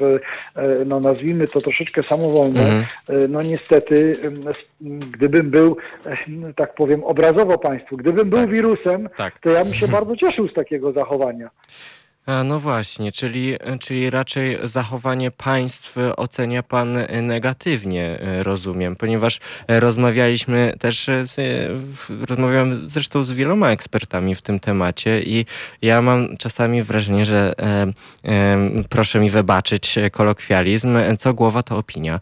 E, I wcześniej, wcześniej pamiętam, że była taka opinia, że przecież nie należy, e, nie należy tych tych państw jakoś tak bardzo krytykować za to, bo po prostu nie wiadomo.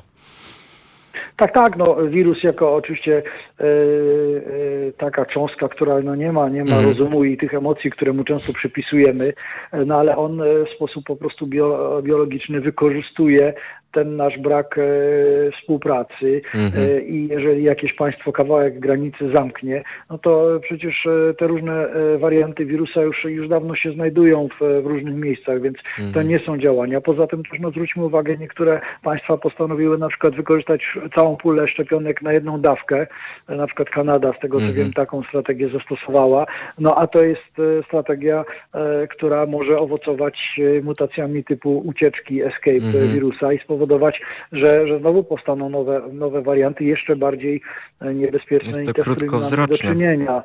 E, niestety mhm. tak, więc taki nacjonalny, zresztą Światowa Organizacja Zdrowia już o, parę miesięcy określiła to jako tak zwany nacjonalizm szczepionkowy, mm. że jest to jeden z, z największych problemów, e, który, który, który mamy i będziemy, będziemy mieli we walce z pandemią. Powtarzam, to jest e, kwestia globalna. Co innego, jakby to była kwestia jakiegoś odizolowanego ogniska, to wtedy oczywiście jak najbardziej. O problemach związanymi ze szczepionkami, ze szczepieniami, o strategiach E, e, szczepień i o prognozach na trzecią falę e, COVID-u, COVID-19 rozmawiałem z panem profesorem Jarosławem Fedorowskim, prezesem Polskiej Federacji Szpitali. Dziękuję bardzo za rozmowę.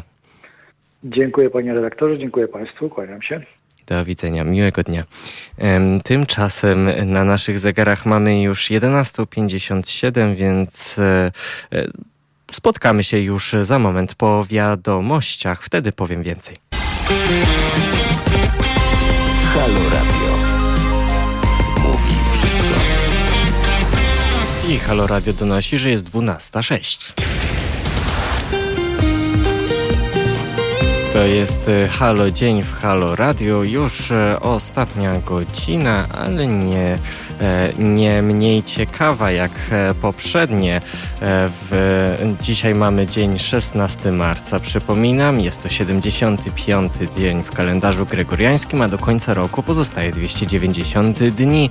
Imieniny obchodzą dużo imion. Ja wszystkie przeczytam, bo czemu nie?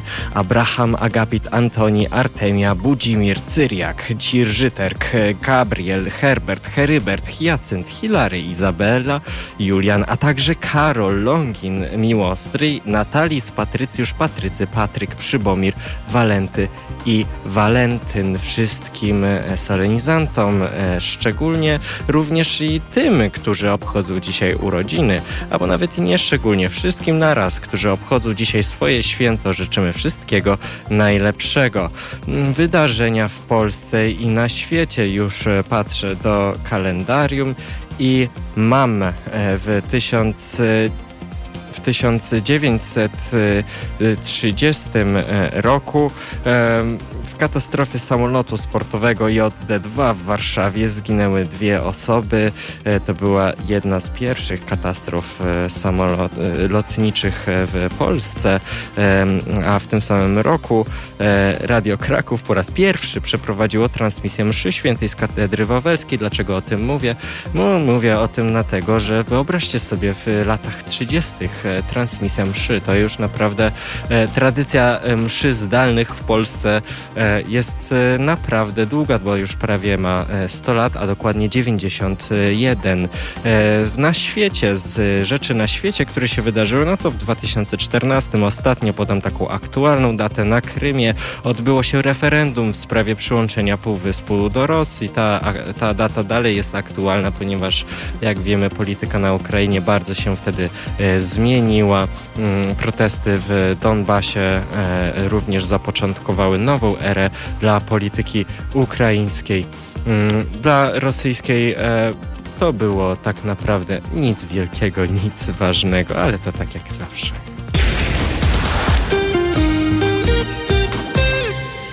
No i jesteśmy 12.09 na naszych i waszych zegarach.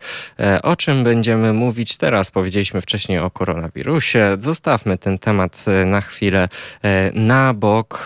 Na pewno będzie jeszcze więcej doniesień na ten temat w dalszych godzinach, a ja tymczasem zapowiem kolejne gościnie dzisiejszego programu w Halo Dniu. Maja Staśko, aktywistka, autorka książek o gwałcie, będzie z nami rozmawiać o zmianie definicji gwałtu i o dostępie do aborcji, o tym, że Polska nie zapewnia pacjentkom dostępu nawet do legalnych aborcji, e, a lewica chce zmiany prawa, czyli seks bez wyraźnej zgody to gwałt, e, to ważna zmiana, a nie powód do, do kpin. O tym będziemy rozmawiać z panią Mają Staśko już e, za moment, bo o 12.15, a później pani Joanna Gzyra Iskandar, aktywistka Fundacja Centrum Praw Kobiet Zresztą e, to będzie e, zaraz później audycja e, pani Joanny Gzyry. Pani Joanna pojawi się osobiście w radiu, ponieważ właśnie będzie prowadziła tą audycję już od 13.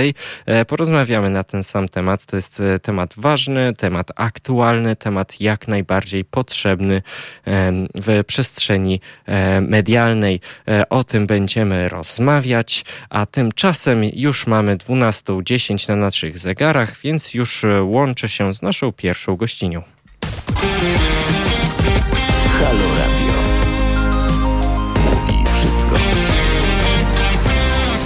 Na naszych i waszych zegarach mamy już 16 po 12, e, a moją i waszą gościnią e, w tej części audycji jest pani Maja Staśko, aktywistka, autorka książek o gwałcie. Dzień dobry.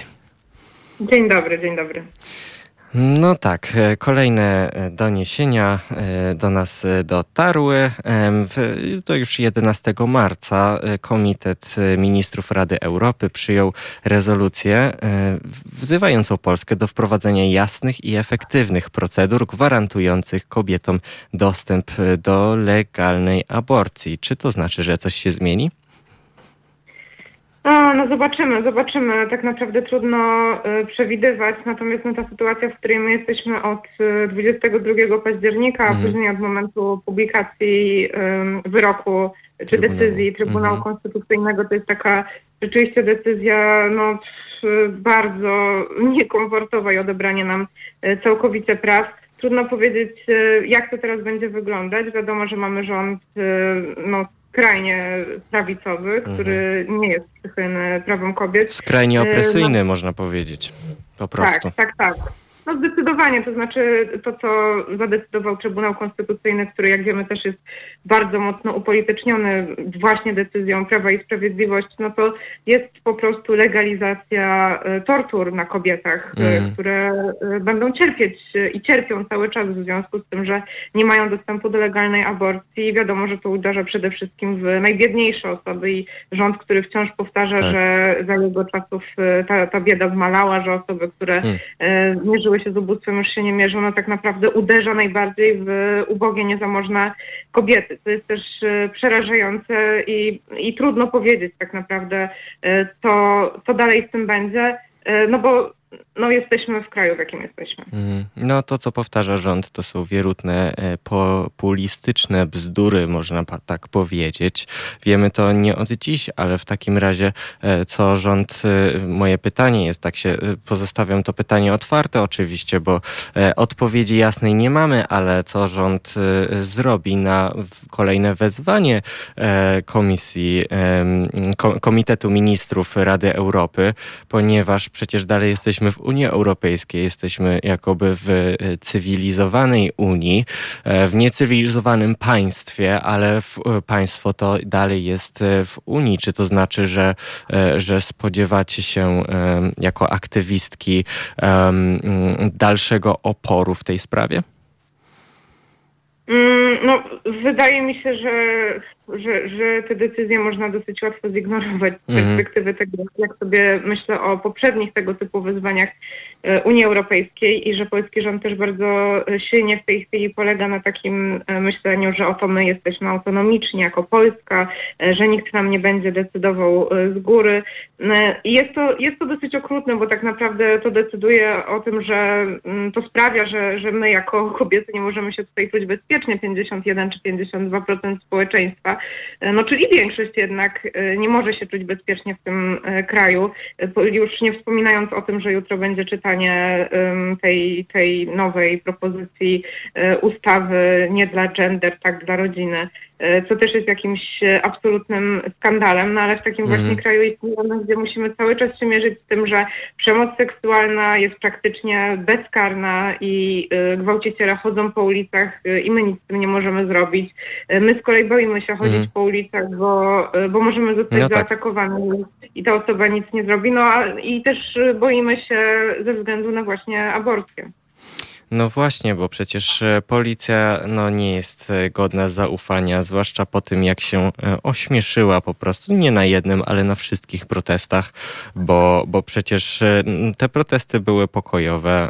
Na tych protestach nie nawoływano do, do agresji, do przemocy fizycznej, nawoływano tylko do zmian, a policja, policja pojawiła się w liczbie w ogóle niewspółmiernej do, do wydarzenia. Do kogo można się w tym momencie teraz e, zwrócić, jeśli potrzeba pomocy? Ja wiem, że to pytanie już padało, mm, ale nie będę się powstrzymywał od ponownego zadawania go, bo, bo trzeba to nagłaśniać.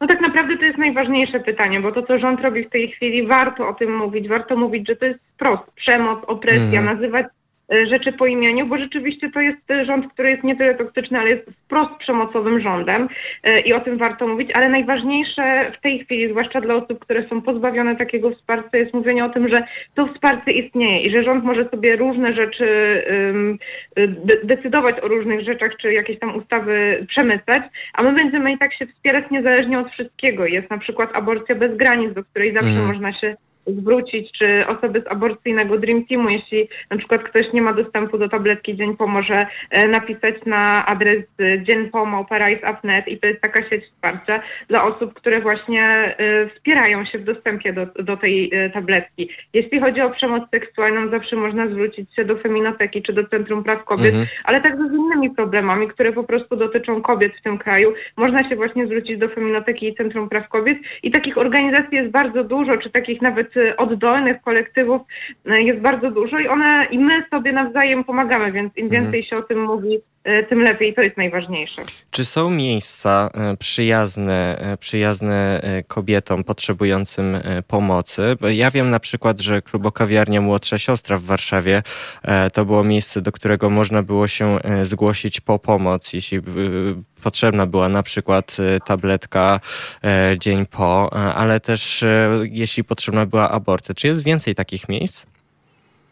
Y, trudno mi powiedzieć, jeśli chodzi o mhm. Warszawę, bo w niej nie mieszkam y, i też ze względu na mhm. pandemię w tej chwili, no to też bardzo trudno mówić Jasne. o miejscach, bo, bo większość jest zamknięte, dlatego my w tej chwili skupiamy się przede wszystkim na takim działaniu sieciowym, działaniu w internecie, ponieważ no do tego większość osób ma jednak y, dostęp, zwłaszcza większość osób właśnie w wieku reprodukcyjnym, czy, tak. czy właśnie mogą na Instagramie, czy na Facebooku, czy na TikToku, czy na, na Twitterze, wszędzie można możemy się ze sobą kontaktować i w tej chwili to jest taka główna przestrzeń, mam wrażenie, takiego wzajemnego wsparcia, informacji y, i, i chyba tutaj warto o tym mówić. W Warszawie trudno mi powiedzieć, wiem, że w Poznaniu jest y, Zemsta i to jest bardzo dobre miejsce. Jeszcze raz, y, w Poznaniu jakie miejsce? Zemsta, klubokawiarnia Zemsta. Zemsta. Klubokawiarnia Zemsta. W takim razie to już Państwo teraz wiedzą, a w Warszawie klubojadalnia Młodsza Siostra. Wszystkie klubokawiarnie, klubojadalnie, tak się złożyło.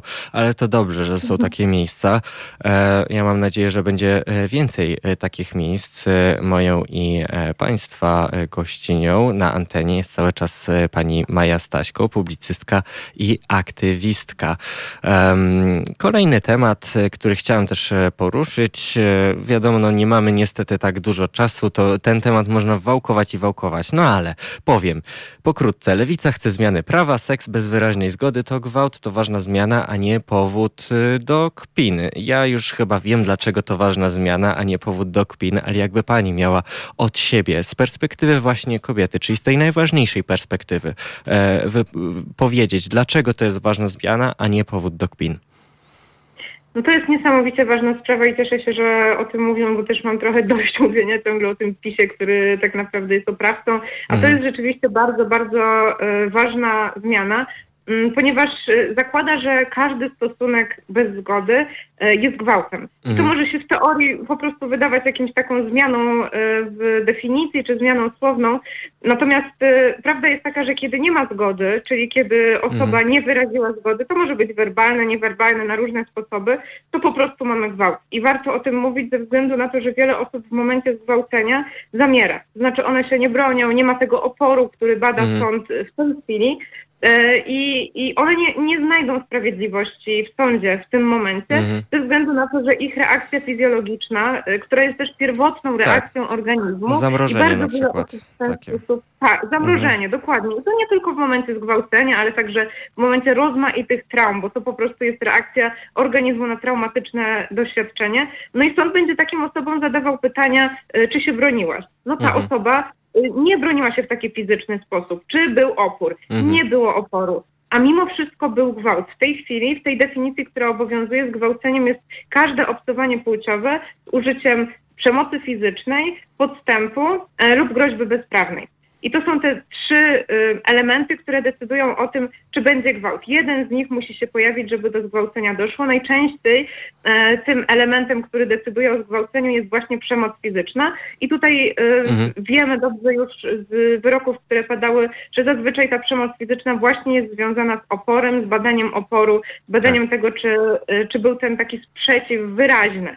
Czyli nie potrzeba tak, tylko potrzeba nie, nie. potrzeba mhm. sprzeciwu. No i to, i to jest błędne założenie, ponieważ e, i psycholożki, e, i socjolożki, osoby, które badają ten temat, dobrze wiedzą, że właśnie w wielu mm. sytuacjach tego sprzeciwu i tego oporu nie ma. E, wręcz są takie badania, które mówią, e, nie polskie, ale zagraniczne, które mówią, że to jest większość e, reakcji na zgwałcenie, właśnie to zamrożenie, czy, czy, czy takie zamarcie. Mhm. A, a te wszystkie osoby nie mają w tej chwili sprawiedliwości w sądach. No zresztą ja teraz, wydaje mi się, że to dobre porównanie, jeśli mielibyśmy wytłumaczyć komuś, dlaczego to, dlaczego to zamrożenie tak zwane występuje, to wydaje mi się, że dobrym przykładem byłoby to, że na przykład w sytuacji sytuacjach traumatycznych, w sytuacjach e, bardzo, bardzo nerwowych i stresujących dla żołnierzy.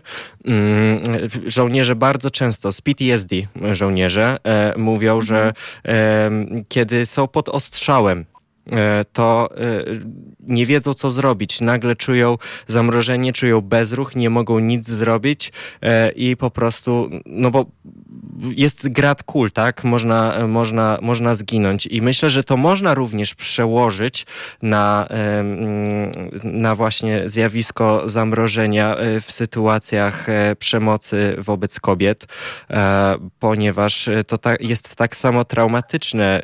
Co z tego, że to się przekłada na e, może nie od razu śmierć, ale to jest, e, chociaż też e, można, można się bać o swoje życie w takich sytuacjach, tak. Ale, ale to jest po prostu chyba naturalna reakcja fizjologiczna e, człowieka na, na wielki stres, wielką traumę, nadchodzącą traumę albo już występującą traumę.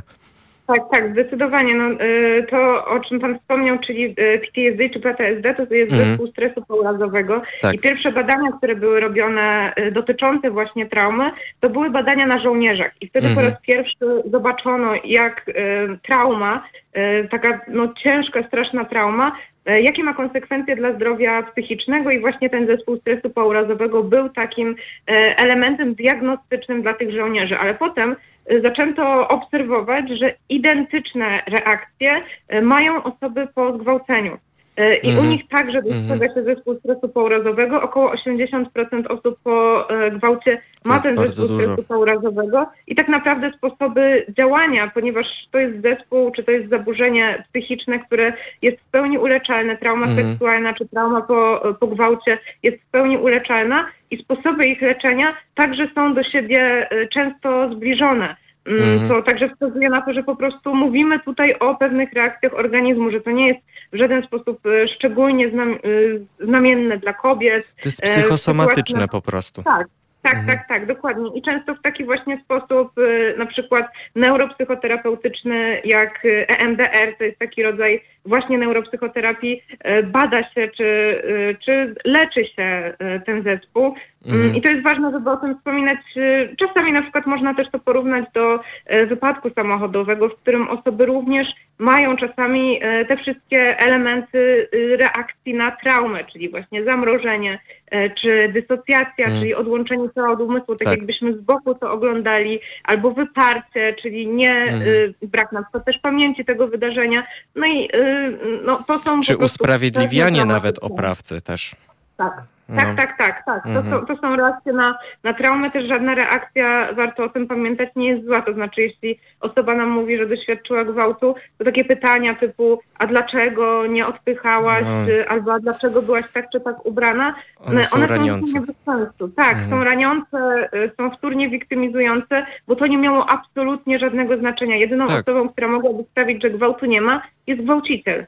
Przede wszystkim nie mamy przecież wpływu na to, czy się komuś podobamy, czy nie i ten ktoś e, nie powinien również e, kierować się w ogóle w żadnym wypadku e, w decyzjach podejmowanych wobec tej osoby, bo to jest również, zresztą była też ciekawa audycja kiedyś na temat uwodzenia i o tym, że, że samo uwodzenie w cudzysłowie to jest po prostu manipulacja e, e, psychologiczna, więc można powiedzieć, że generalnie kultura, e, też w cudzysłowie gwałtu, wywodzi się z bardzo takich głębokich też przekonań na temat relacji damsko-męskich, ale nie tylko damsko-męskich, po prostu relacji międzyludzkich.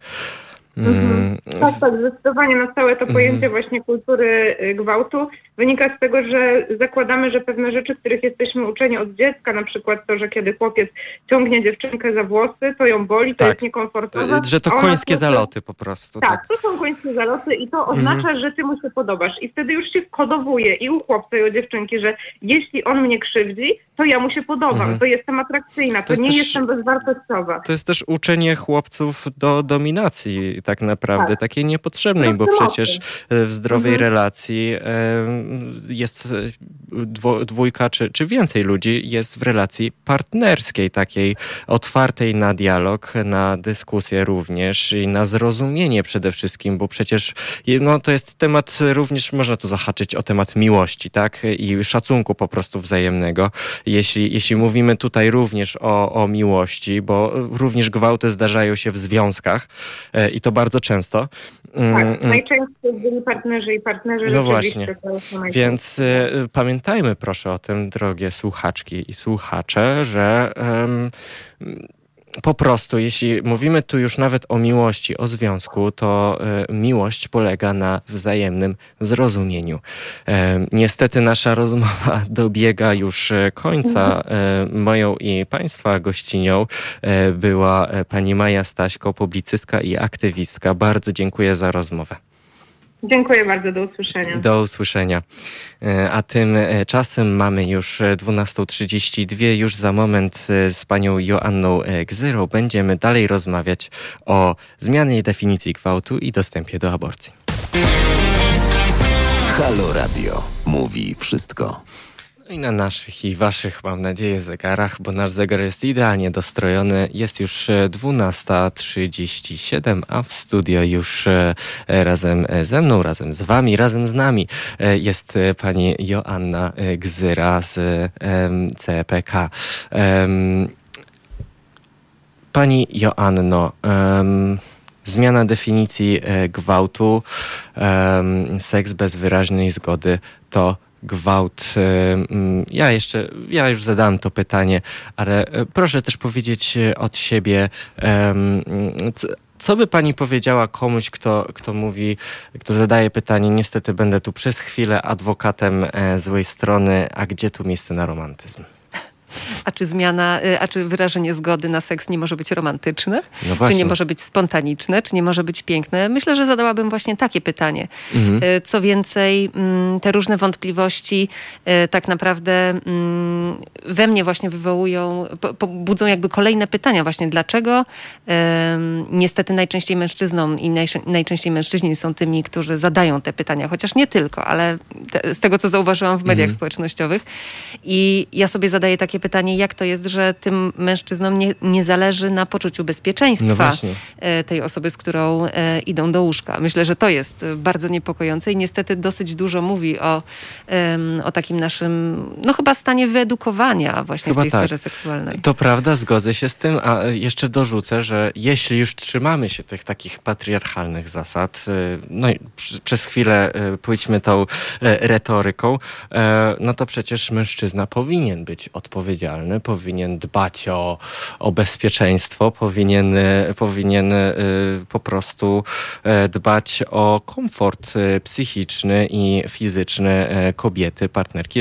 Oczywiście patriarchalnie, ale to też nawet wydaje mi się tak czy siak, to są po prostu uniwersalne wartości. Nie tylko mężczyzna, ale w tym wypadku e, po prostu wydaje mi się, że to jest e, bardzo źle e, rozumiane, ponieważ wydaje mi się, że bardzo opacznie rozumieją to e, niektórzy mężczyźni. E, ja, czytałem troszeczkę e, Facebooki, konta facebookowe. Niestety, drodzy widzowie, czasami wchodziłem nawet na wasze konta, sprawdzając, co uważacie na ten temat. No i widziałem tam zdjęcie pewnego gościa, gościa, pewnego słuchacza, który wrzucił, wrzucił takiego mema, taki obrazek, w którym powiedział, że no, którym było po prostu powiedziane, że no, powinniśmy najlepiej po prostu biegnąć, biec szybko do drukarki, do komputera, napisać oświadczenie pisemne i dać do podpisania partnerce i jej rodzinie najlepiej. No, to, to jest cynizm, ale to jest taki niesmaczny cynizm, prawda? Tak, też mam takie poczucie i, i, no to jest takie ironizowanie i tak naprawdę mhm. no właśnie naśmiewanie się z bardzo poważnego problemu, y, bo mm, no jakby skala gwałtów y, właśnie przez to, że często ta zgoda jest y, domniemana, mhm. a powinna być wyrażona. To jest ta różnica i to jest ta różnica, którą mam nadzieję, że też wreszcie będzie ujmowało ją polskie prawo. Mhm. Mm, to jest ta różnica, która powoduje, że właśnie gwałty są niestety niestety e, bardzo częste, bardzo powszechne i e, co więcej, mm, e, osoby, które ich doświadczają, są obarczone takim jarzmem, takim mhm. ciężarem winy i wstydu tak. za to, co Poczucie się stało. winy jest też w ogóle takim mhm. naturalnym, znaczy naturalnym, no, no jest, można powiedzieć, naturalnym, naturalną reakcją na, na traumę też, ponieważ zaczynamy wypierać albo zastanawiać się, czy to na pewno jego wina, czy to nie trochę trochę nasza, bo po prostu coś się wydarzyło, coś strasznego dla nas,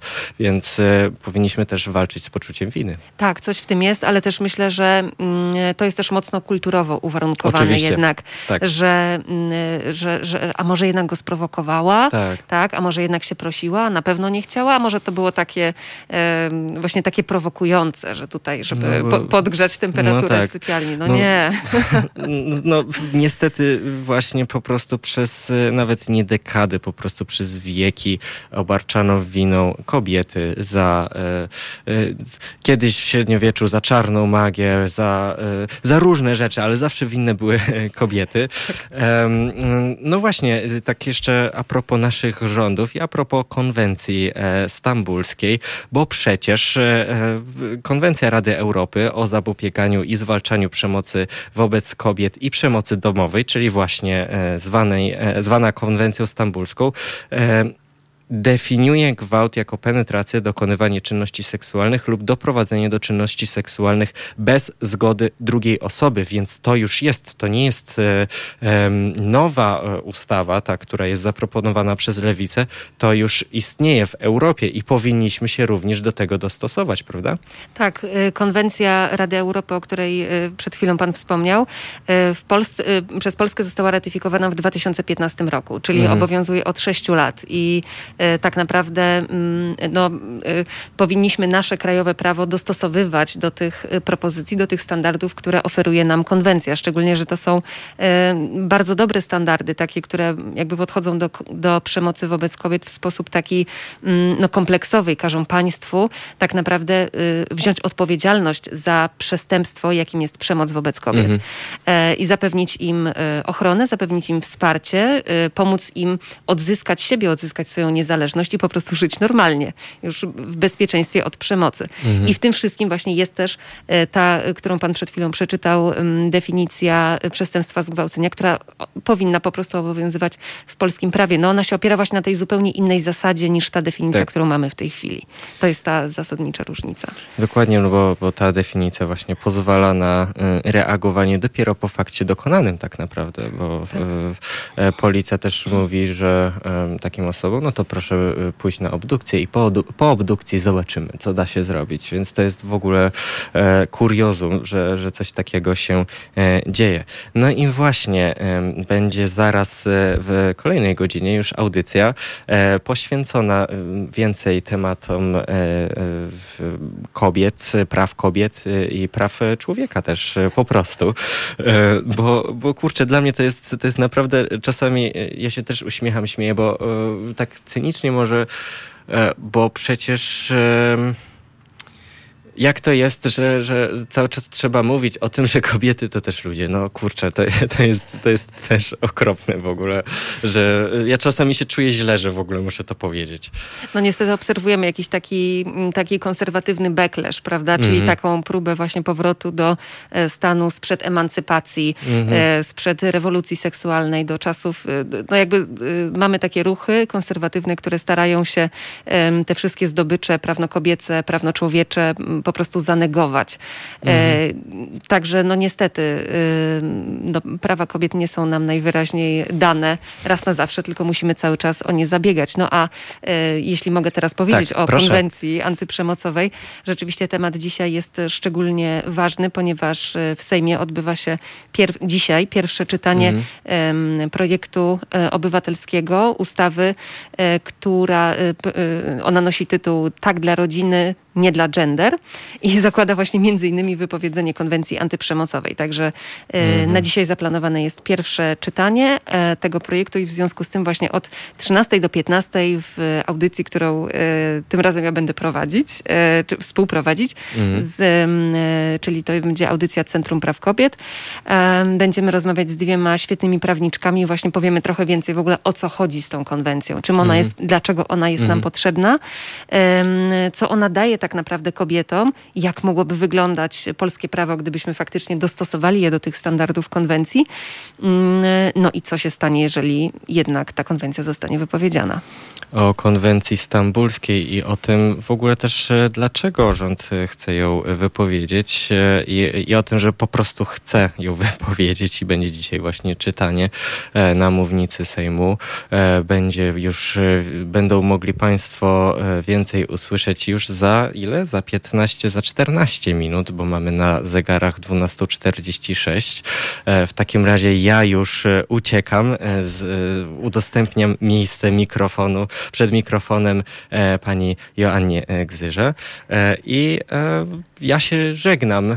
Dziękuję bardzo za Halo Dzień, za, za to, że Państwo z nami byliście, że aktywnie komentowaliście. Pozdrawiam Was również. Ja widzę, że tutaj, tutaj aktywnie komentarze się pojawiały. Dziękuję za to, dziękuję za dzisiaj i do usłyszenia, do zobaczenia jutro.